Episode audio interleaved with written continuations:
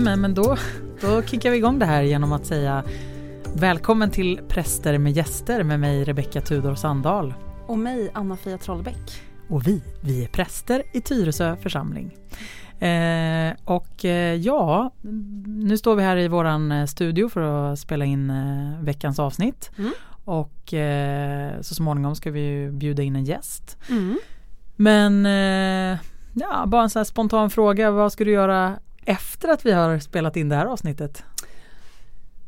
Då ska jag, alltså när jag har jobbat färdigt menar du? Ja, det är Ja. det jag menar. Då ska jag åka hem och packa. Mhm. För jag ska åka till landet imorgon. Åh. Mm.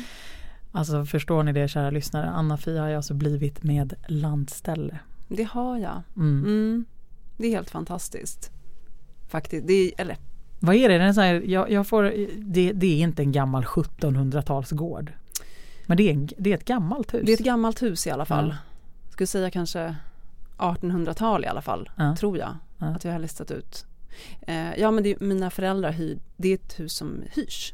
Mina föräldrar började hyra det ehm, alltså på 90-talet. Mm. Eh, och sen så när min eh, mamma dog så ja, vi har liksom fortsatt att ha det kvar. Mm. Eh, men, men och sen så min syster liksom hade lite mer ansvar för det ett tag.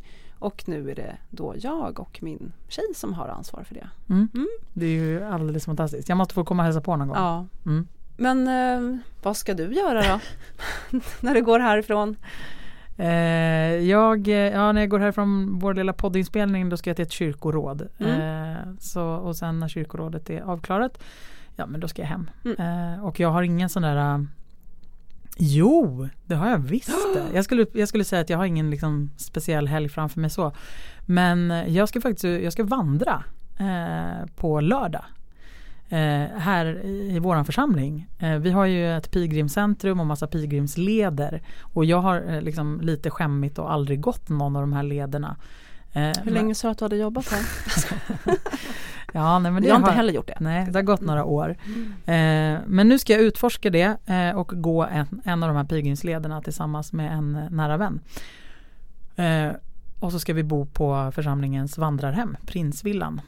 Eh, Mysigt ja, det ska alltså. bli jättefint. Ja. Ska vi dricka lite rödtjut på kvällen Mm. och samtala om saker av vikt eh, och ja, vara nära naturen. Gud Och jag ska härligt. pröva mina vandringskängor Mm. som jag fick i 40-årspresent.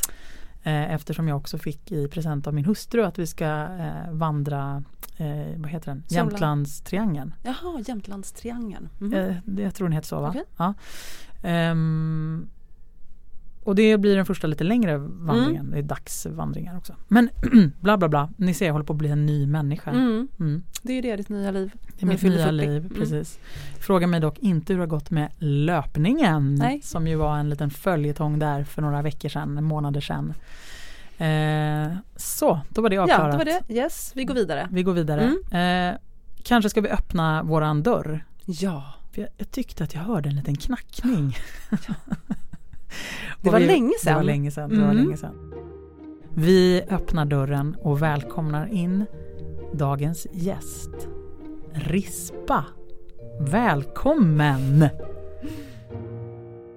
Eh, som du har väntat Ja, i verkligen. årtusenden.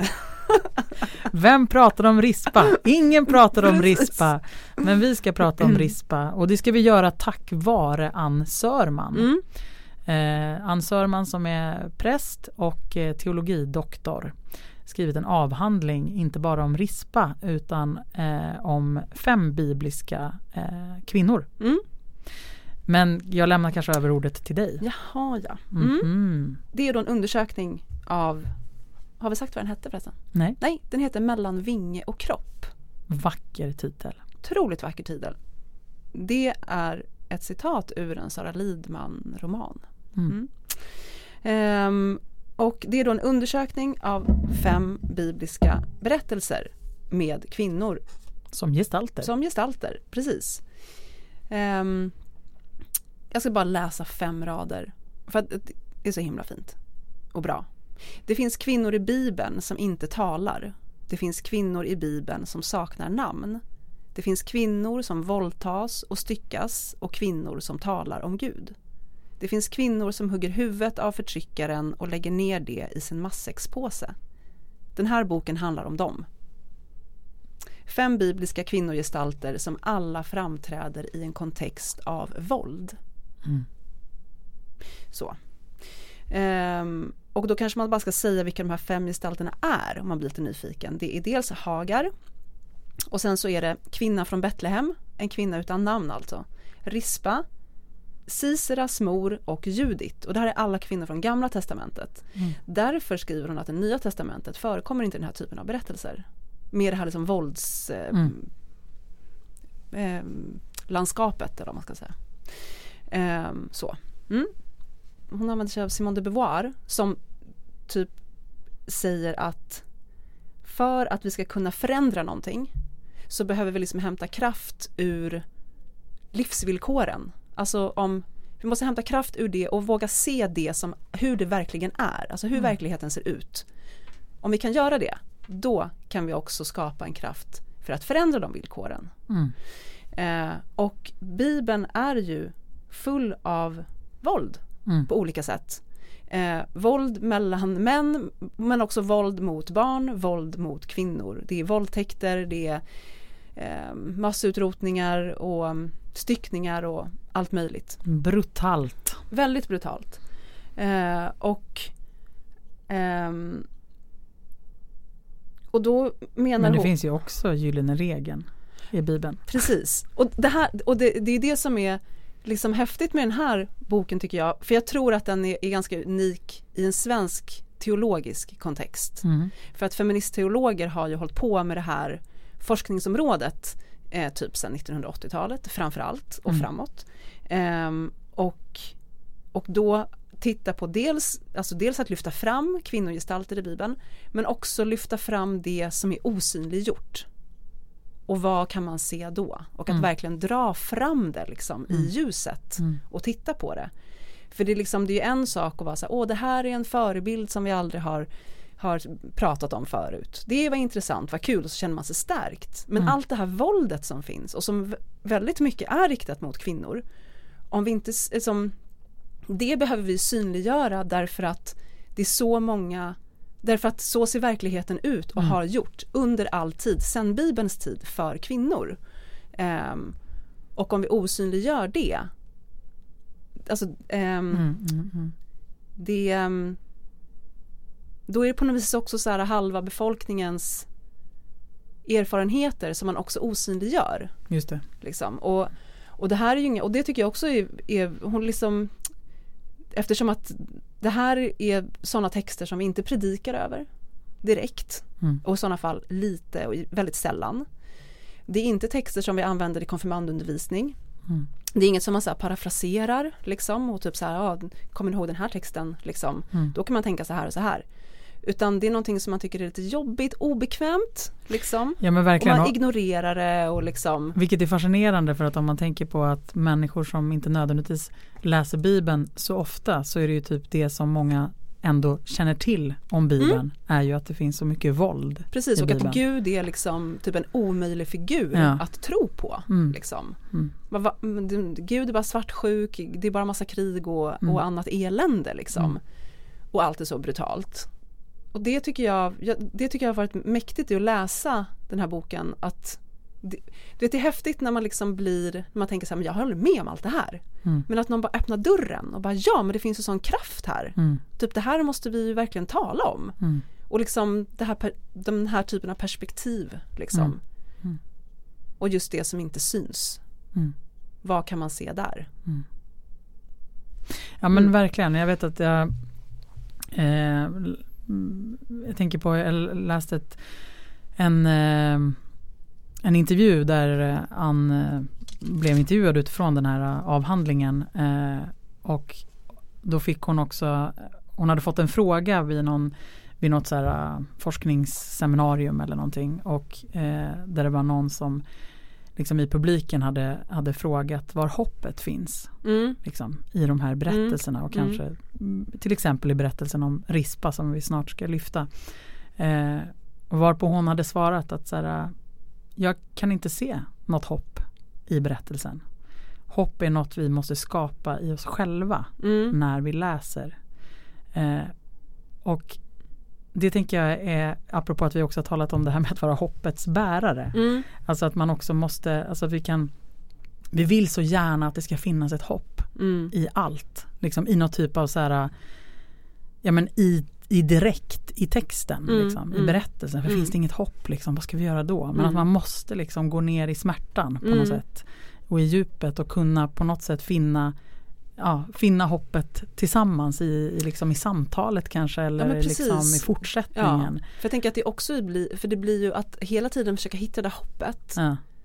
Det kan ju också bli som ett väldigt negligerande också av människors erfarenheter av att det inte finns något hopp. Nej men exakt. Utan att man så här, nej men så här kan det vara. Nej men exakt, för det är ungefär som att säga typ när en, en människa är i, i liksom djup förtvivlan och bara att, att, att man bara säger men du allt kommer bli bra. Det Mm. kommer bli bra. Man bara nej, det är, typ, det är nummer ett, det vet du inte. Det kanske inte alls blir bra. Nej, Och nummer två är det typ inte det man behöver höra. Utan du behöver vara där men i precis. smärtan och våga, våga vara i liksom det som är sant Mm. och riktigt. För att ur det kan det födas liksom ett hopp och ur det kan allt bli bra Mm. så småningom. Eh, till exempel. Kanske.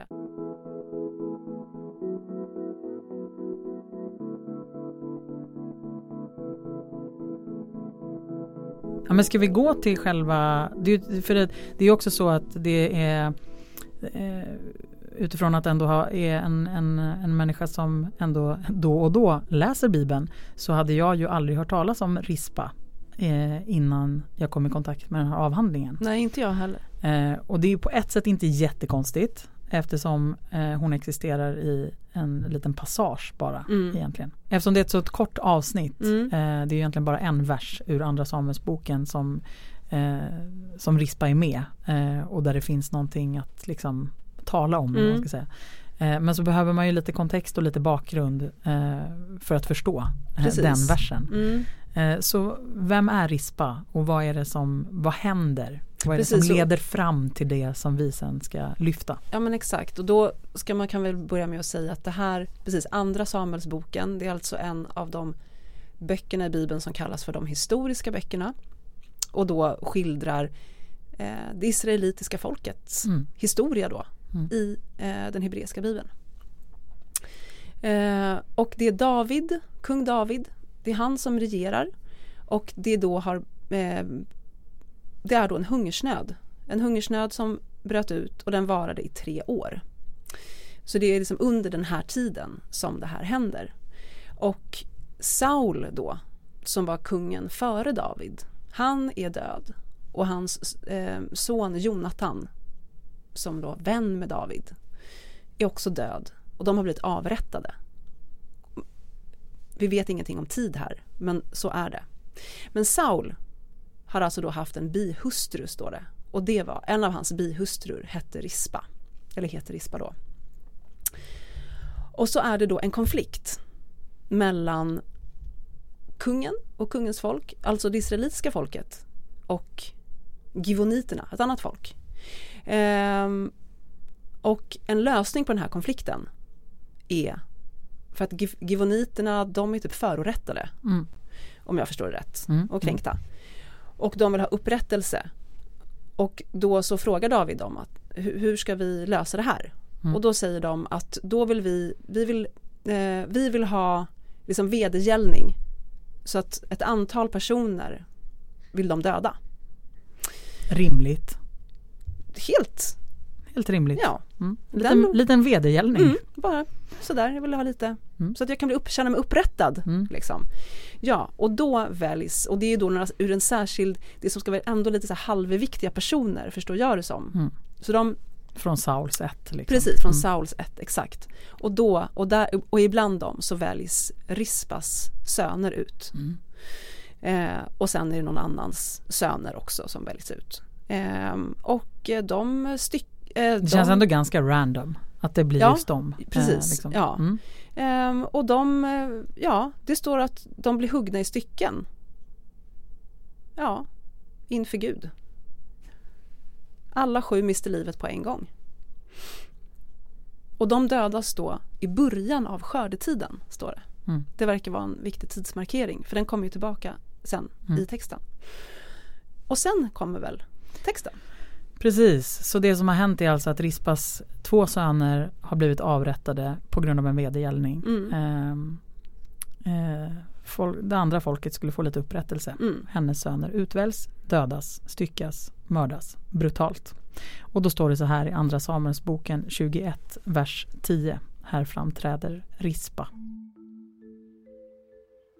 Rispa Ajas dotter bredde ut sitt säcktyg på klippan och stannade där från början av skörden ända till dess regnet från himlen strömmade ner över kropparna.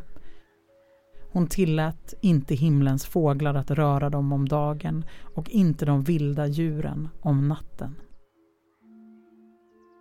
That's it That's it. om Rispa. Precis.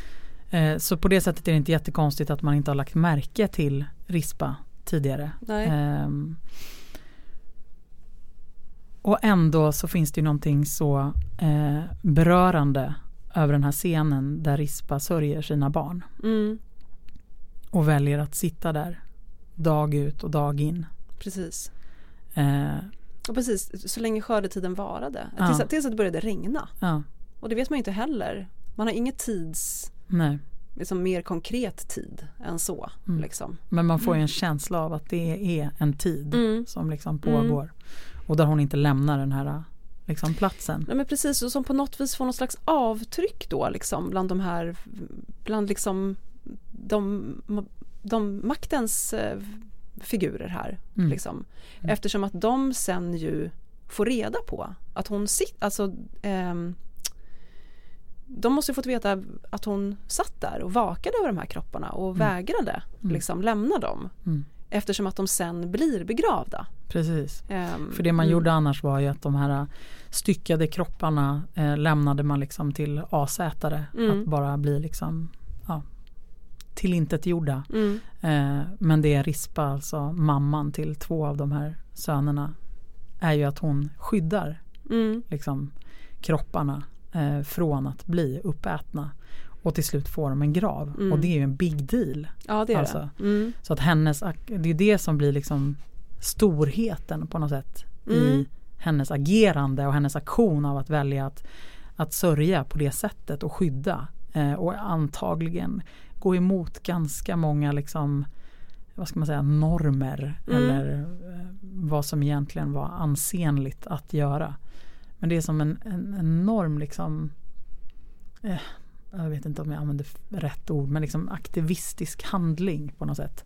Eh, I tystnaden. Alltså det är en, liksom en tyst aktion ja som pågår. Exakt, för hon, alltså i den här texten, alltså hon säger ju ingenting. Nej, Alltså hon har inga, hon har inga repliker Nej. liksom.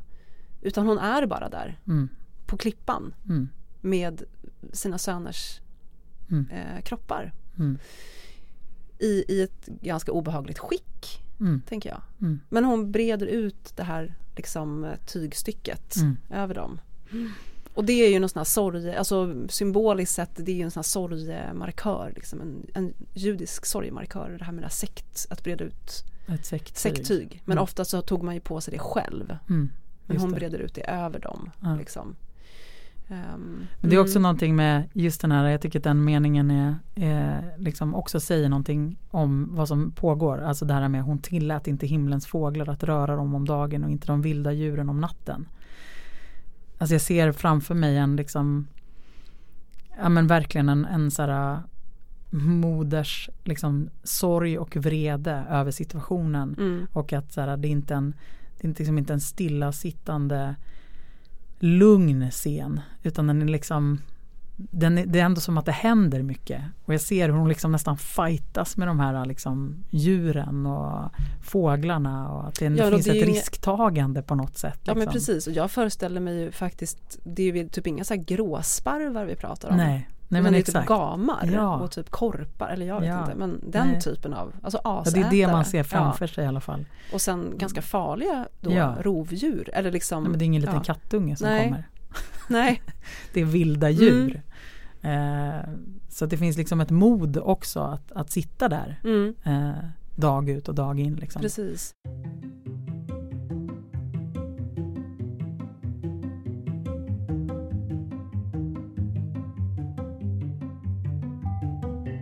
jag fick ju en, en eh, jag lyssnade till Ann Sörman eh, på ett café. Det var Mm. väl så jag berättade sist och sen så kommer jag inte ihåg något så jag kunde inte fortsätta berättelsen. Men, eh, men jag var där tillsammans med en av våra kollegor, Mm.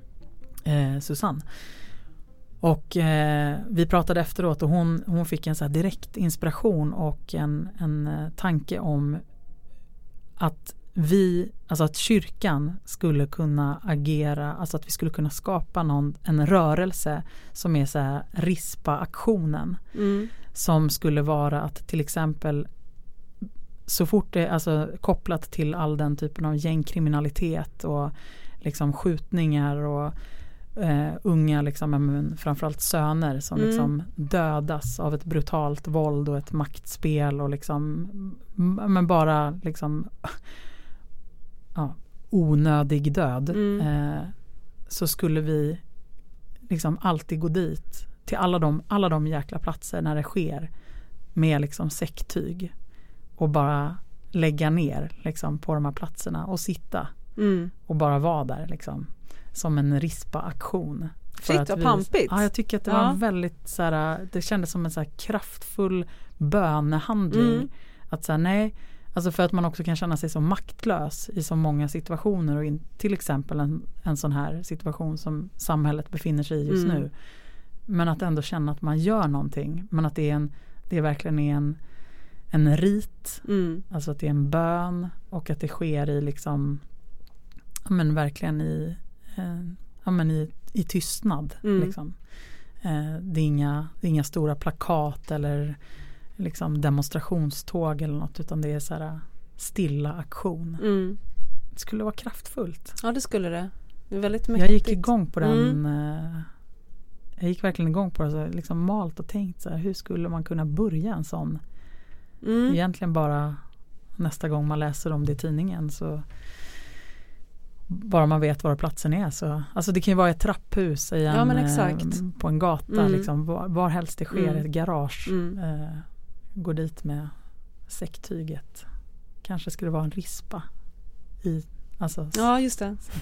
En rispa i tyget. Ja, Ja. ja.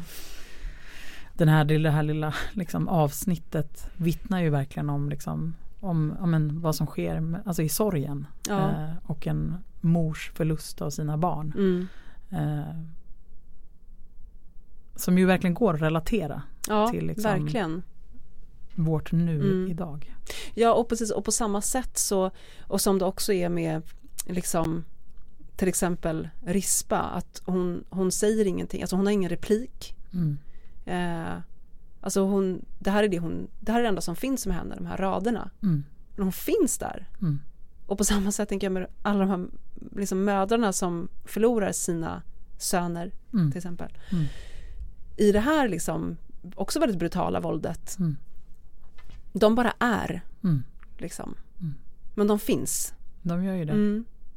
Fastän att de också osynliggörs. Ja men precis. Ehm, Mm. Och det är liksom, och, och hela diskussionen har ett helt annat fokus egentligen. Mm. Än, än på deras, eh, på de här mödrarnas förluster. Mm. Och vad det gör med deras liv. Mm.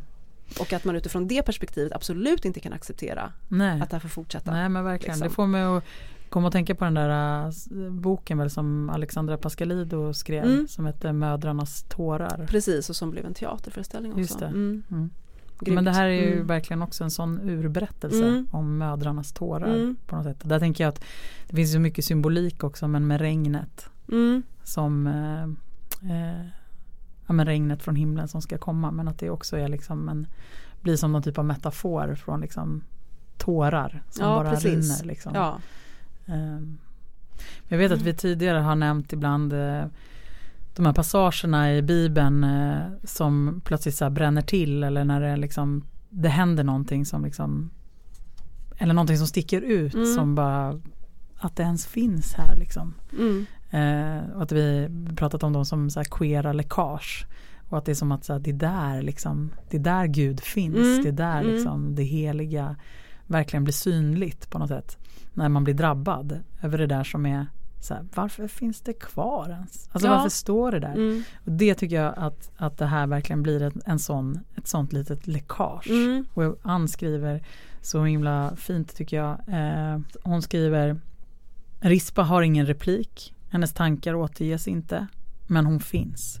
Scenen och hennes gestalt framstår i min läsning som ett förhöjt bibliskt ögonblick som ger läsaren många poetiska och etiska möjligheter.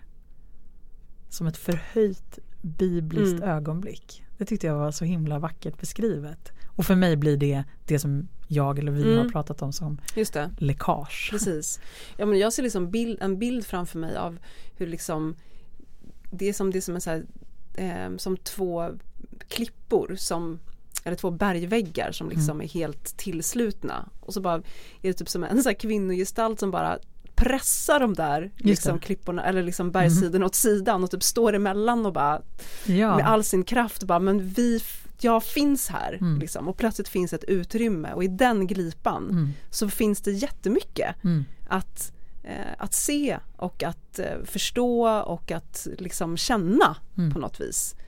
Och Ja men verkligen och våra berättelser kan på något sätt landa in där Mm. också. Alltså att man får den här Precis. liksom anknytningen. Eh, Att man kan spegla sig Ja. i det och att många skulle kunna göra det liksom. Mm. Ja men just det här med liksom poetiska möjligheter. Det är också ett så här, Mm. ja men liksom, för det, det blir ju till slut också ett, ett förhållningssätt till hur man läser Bibeln. Ja, Alltså vad, vad eh, eh, ja men och, och att, att se Bibeln och dess texter och berättelser som så här poetiska möjligheter. Det gör också någonting tycker jag. mm. och vad uppstår liksom i tystnaden? Mm. Man bara, men vad, man bara okej, det här, va, Mm. vad ska jag tänka om det här? Mm. En, del, en del frågar ju så här när de ska börja läsa Bibeln att så här, kan, kan inte du ge mig ett tips, var ska jag börja liksom? Mm. Om man inte tänker att man vill läsa från liksom perm A till perm, alltså sista sidan. Mm. För det är ju kanske inte det absolut enklaste sättet att läsa Bibeln utan man vill liksom ha någon ingång, man vill Mm. börja någonstans. Och det, jag tycker alltid att det är svårt Ja. att veta vad jag ska så här, tipsa om. Eh, och det är ju lätt i alla fall tycker jag, eller, eller och det tycker, jag tycker inte det är dåligt att uppmuntra till att läsa evangelierna. Men, men det är ju ofta där jag ändå säger, ja men Mm. läs Markus evangeliet Mm. eller liksom börja här. Ehm, då kommer man inte åt de här berättelserna. Nej, men men, för att komma åt det här lilla stycket Mm. så krävs det ju ändå att du ska stå ut med en jädra massa Mm. våld och skit liksom runt omkring för att ens liksom se det här. Ja men precis och det, det kan jag tycka är, liksom är svårt Mm. när jag läser Mm. Bibeln. Att sådär hålla liksom fokuset. Mm. För man bara ja ja ja och så dödade de hit och så dödade de dit och den gick dit och den gjorde det där och Mm. sen kom det där och sen så Ja, okej. men precis och då är det ju Och det väldigt att lätt att, allting man missar det här. Precis, men Mm. när det liksom, när så, jag tycker nästan att det är enklare, alltså som vi har gjort ibland när vi har tagit oss an, ja, men som Ester eller Judit eller Mm. då har man, det är den här jag ska läsa Mm. och då är det avgränsat och då kan man läsa det flera gånger Mm. och då händer det ju någonting.